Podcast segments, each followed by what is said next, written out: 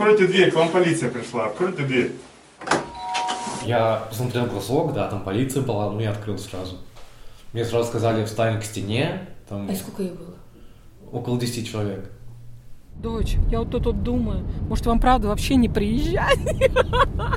Я говорю, нет, мам, абсолютно нет, однозначно вернусь. Я говорю, просто не знаю пока когда. Уже после того, как я оказалась в Украине, я сообщила маме о том, что происходит, где я сейчас и что будет дальше. Переживала и переживает до сих пор.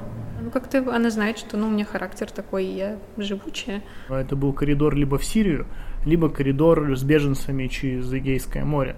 Эксперимент под названием Российская Федерация я готова ставить на своей жизни, но точно не на жизни своих детей. Поскольку пока что я не собираюсь о них думать, это как бы вопрос меня не волнует. Страховка на машине три часа назад закончилась, и, в общем, машину не пустили, сказали, кто хочет, идите, идите в Литву. Сейчас, когда живя в Литве, я вот так немножко анализирую прошлое. Я помню, как выглядел флаг Литвы. Мне в детстве почему-то очень нравился вот эта вот расцветка желтый, зеленый, красный. Команда «Нанук» Инна Шилина и Артурас Морозовас, а также российский интернет-журнал «7 на 7» Максим Поляков. представляют совместный документальный проект «Пока горит красный» – серию подкастов о людях, которые подверглись политическим репрессиям в России, бежали и осели в Европе, временно скитаются или решили вернуться – это аудиопродолжение одноименного проекта «Нанук» о российских политических беженцах, который вышел в 2018 году. В этот раз голоса восьми фигурантов разных политических дел сегодняшней России звучат из Вильнюса, Москвы, Санкт-Петербурга, Тбилиси и Берлина. Ой, а можно попросить вас прям так с чемоданом встать? Прям это супер. Ну, в смысле, так, чемодан, ну, в смысле, и смотреть на меня. Ну, в смысле, прям так, просто повернуться. Вот так, да. Сейчас. Это короткое введение в проект, в котором вы познакомитесь с его героями и обстоятельствами их жизни в России, а также в эмиграции после столкновения с полицией, ФСБ и судебным делопроизводством, рисками в их профессиональной деятельности. Обстоятельный разговор с каждым из них станет частью следующих эпизодов. Перед тем, как мы сядем и поедем, вы можете сказать, меня зовут там, Ирина Бирюкова. Могу. Я, значит, мы сейчас, э, не знаю, стоим на заправке, собираемся ехать, ну, куда мы ехать и Ага. зачем? Мгм. Так, давайте. Меня зовут Ирина Бирюкова, я адвокат. Мы сейчас стоим на заправке у метро, собираемся ехать в Ярославль, там у меня процесс судебный. Завтра, правда. А по уголовному делу одного из моих доверителей, которого побили сотрудники, обвиняют в том, что это он их побил. Все, мы готовы, едем. Пристегивайтесь, иначе будет пищать. Так, мой какой кофе? Мой вот этот? Да. Хорошо. Готовили к публикацию довольно долго. Понятное дело, что реакция какая-то должна быть на это. всё. Мы надеялись, иначе смысла не было. Публикация. Э, Вот Жени Макарова, видео избиения Жени Макарова с новой газетой. Вот это 10 минут в воспитательной комнате. Игорь Андреевич, как кувалда прикладываться.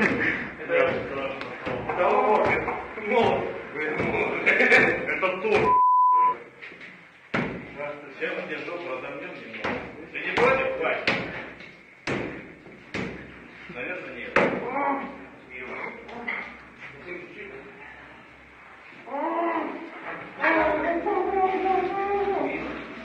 Давай, давай.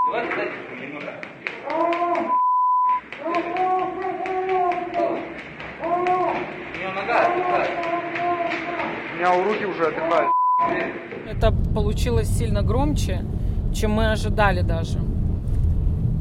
Когда начали сыпаться угрозы, я сначала не сказала, а потом, когда мне ребята позвонили сказали, Ира из колонии, ребята передают, что пусть она не едет, короче, ей не жить. Там. Мне вечером пишут, собирай чемодан большой. Ладно, там ты сама большая, а у тебя, говорит, дочь, как все, давай, езжай, билет пока в один конец.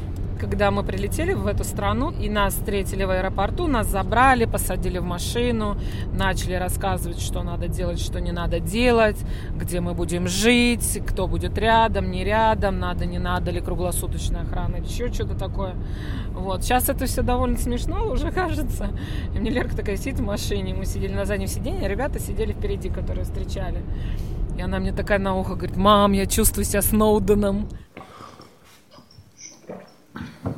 Значит, чай пока не изменили на кофе. Не, я пью кофе, но раз чай предложен был, то... А, Не, я, я после, после третьей чашки в день я начинаю думать о количестве кофеина потребленного, поэтому... И меньше, меньше стыда, Мгм. да. А Важно, когда стыда мало. Ну, чуть поменьше, чем обычно. Я радиожурналист Эрик Albrecht, и мы пьем чай с Егором Черняком, бывшим координатором штаба Навального в Калининграде, который прилетел в Берлин из Америки, чтобы встретиться со своими родителями. Для слушателей этого там эпизода покажет, что я... Не знаю, что им может показаться, но я все равно хотел бы сказать, что последние полтора года жизни вот в Америке, они, наверное, были в эмоциональном плане самые тяжелые в моей жизни.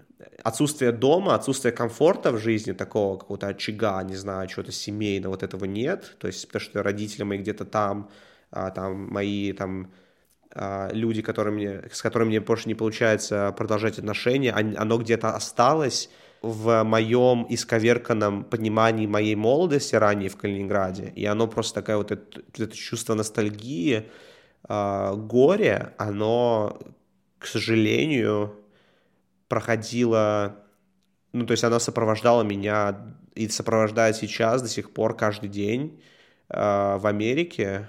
Там хорошо, но не так хорошо. Вот, да, да. Хорошо. Есть еще вопросы? Нет, только слова благодарности тебе, Эрик, за помощь. Пока не известно, что записаться. Нет, записалось. Все хорошо.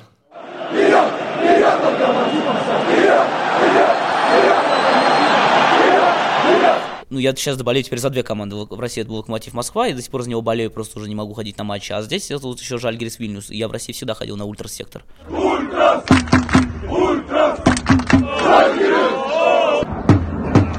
Русский шпион.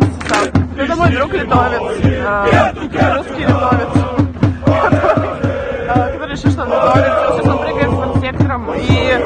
что не знает литовского. Поскольку я очень как бы влюбился в Литву и как бы у меня долгосрочные планы на эту страну, то я как бы очень хочу социализироваться, интегрироваться, как бы выучить язык и прочее. Ну, с кем лучше всего интегрироваться? Конечно, с местными националистами. Представьтесь так, как вы считаете нужно. Ну, меня зовут Дмитрий Семенов, я родом из Чувашии, родился в городе Чебоксары, что является столицей Чувашии. Учился, заканчивал Чувашский государственный университет, а, исторический факультет, а, служил в армии во внутренних войсках, которая теперь Росгвардия. Так вот, судьба сложилась. Вот. А потом, ну, как бы я еще и в университете, и до армии занимался политическим активизмом. Потом после армии работал а, журналистом в местном региональном издании. Вот, ну и так сложилась судьба, что уже а, более полутора лет а, проживаю в Вильнюсе, и здесь сейчас также работаю журналистом. И как далось это решение остаться? Первоначально терзали сомнения, правильно ли это было. Может быть, все-таки нужно вернуться. Там, как я могу быть полезен, находясь там в Литве, там, да, для России. А вы когда говорите, что служили в Росгвардии, много вопросов задают? Ну, обычно люди удивляются просто. Вот. э, Ну, я говорю то, что меня не брали на все эти акции. Вот вот если сконструировать такую ситуацию, что вас все-таки взяли на один из таких митингов, где произошли, э, я пол- забыла по-литовски ряущес, Э, ну, беспорядки, Да, например, да. да, начались. И, и как бы вы вообще вот этот конфликт тем, что вам нужно выполнять долг свой, да, и, то, и ваши убеждения, и- Мгм. и, чисто человеческие, наверное, Да. какие-то вещи. Не знаю, это сложный вопрос. Я вот думал тоже над ним. Если как бы абстрагироваться и считать, что там Россия демократическая страна, где соблюдаются все права и законы, и тебя отправляют на такой митинг, и ты реально видишь массовые беспорядки, то есть в нормальном понимании этого слова, не в кавычках, то, конечно же, как бы я честно и был исполнял свой долг по пресечению этих массовых беспорядков. То есть, когда там манифестанты жгут машины, там переворачивают машины, бомбят стекла. А вот э, в российских реалиях, э, вот я не знаю, как я бы себя повел. А слушаться приказа, наверное, как бы я бы не смог. Калашматить там людей дубинками направо и налево, и, наверное, я бы не стал. То есть я бы как-то, может быть, э, нашу, постарался найти какой-то срединный путь, как бы, чтобы э, сделать вид, что ты вроде бы выполняешь приказ, ну, как бы и... Такой демонстративный отказ от выполнения какого-либо вы бы тоже не решили. Это же сложно сделать. Ты знаешь, что ты находишься в закрытом обществе, у тебя нет ни телефона, ни интернета. Это очень сложно сделать. Что это? Это он сделал? Он да, ты провокатор! Провокатором на мясо! Ну нахера, вот внутри нас, на нас собак. А, там собаки их ведут, а не они.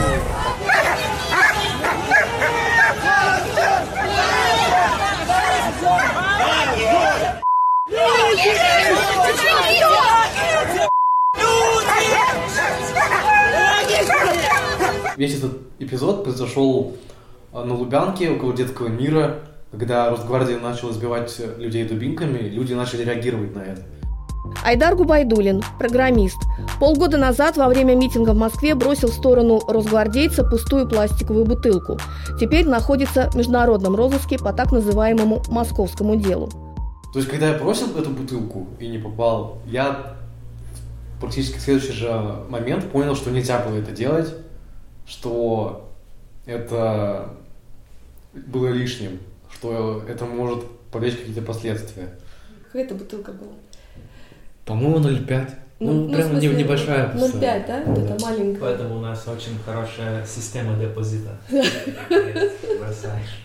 А ты знал, что про Литву до этого, да? Ну, я знал, что такая страна есть, Ага.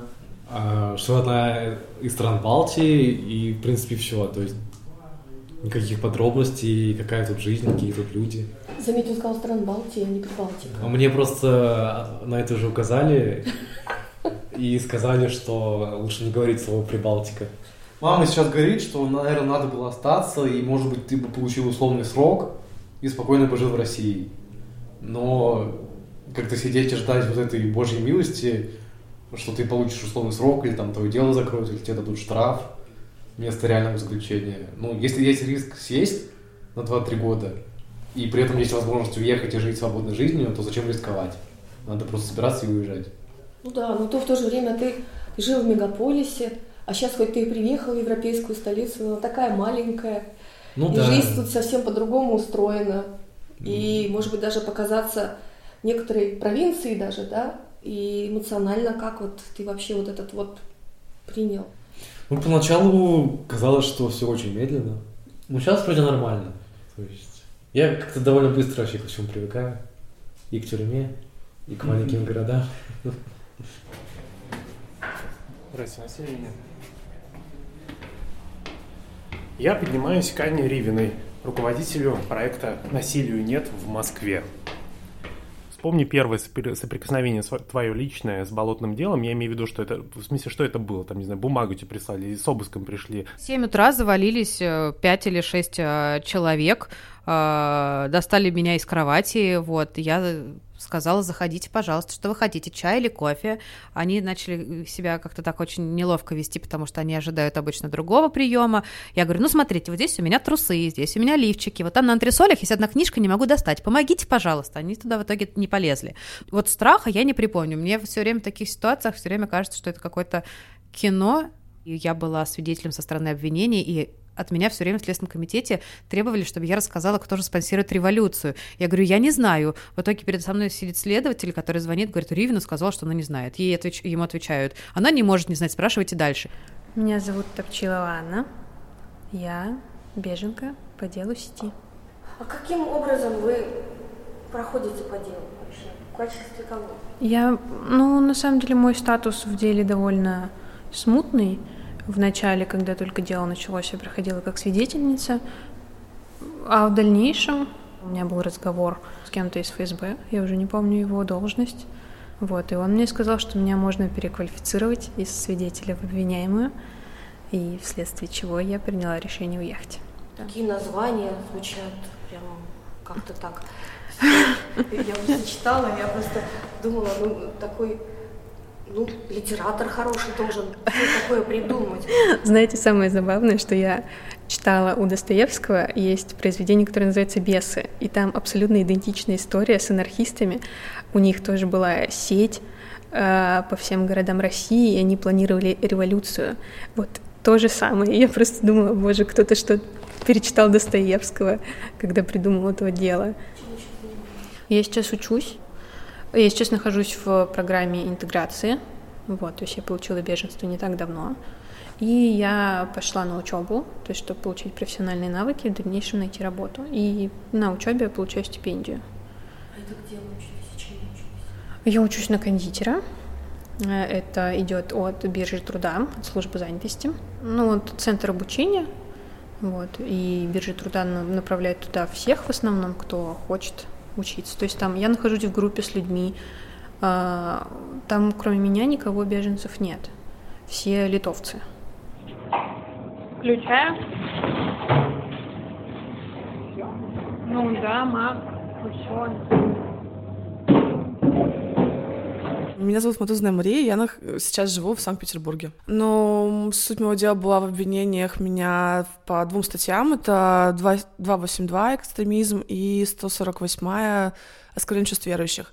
Поводом к этому было, были сохраненные картинки ВКонтакте, то есть ничего там криминального, по сути. И, э, естественно, не желая оказаться за решеткой по итогу, я уехала из страны. А, Сначала я оказалась в Киеве, потому что думала, что смогу там сделать визу, поехать куда-то дальше. Там мне немного не сложилось. А, Мне потом помогли э, сделать визу в Литву. Я уехала в Литву, жила там. Как, только переехала в Литву, буквально через месяц мое уголовное дело закрыли.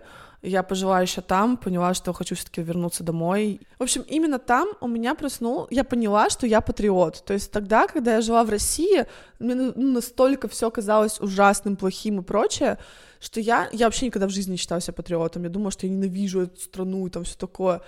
Но когда я уехала и пожила там и в Киеве, и в Вильнюсе, это все считается, я поняла, насколько много преимуществ в России, например, ну ладно, Киев не считается, они очень похожи, вот, Вильнюс, допустим, насколько реально у нас не так уж и плохо, и как бы я эту фразу очень редко очень редко говорю вслух, потому что мне кажется, что меня сразу воспримут как пропагандистку, которая там продалась кому-то или еще что-то, потому что, ну, люди же реально большинство, которые сейчас придерживаются там либеральных каких-то ценностей, они не жили за границей, они вот типа вот так же, как я раньше, ненавидят все, что там Путин и всех остальных, ненавидят все вокруг, и они не знают, ну, реальные минусы там Европы, например, перед Россией и там все такое.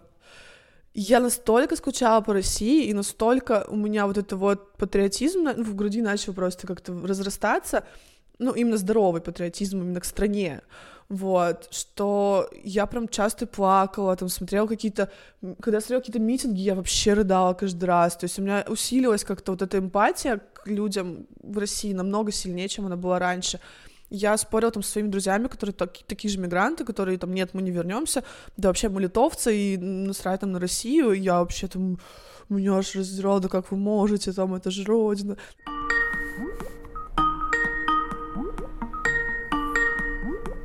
Я никогда не был патриотом, я абсолютный глобалист. А, Я считаю, что если ты что-то делаешь, то это делаешь не для какого-то государства, делаешь это для общества и для всего общества. Вот.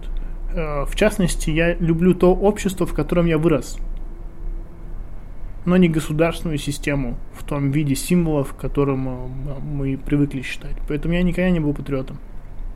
Меня зовут Антон Михальчук. Мне 29 лет, я родился в городе Тюмени.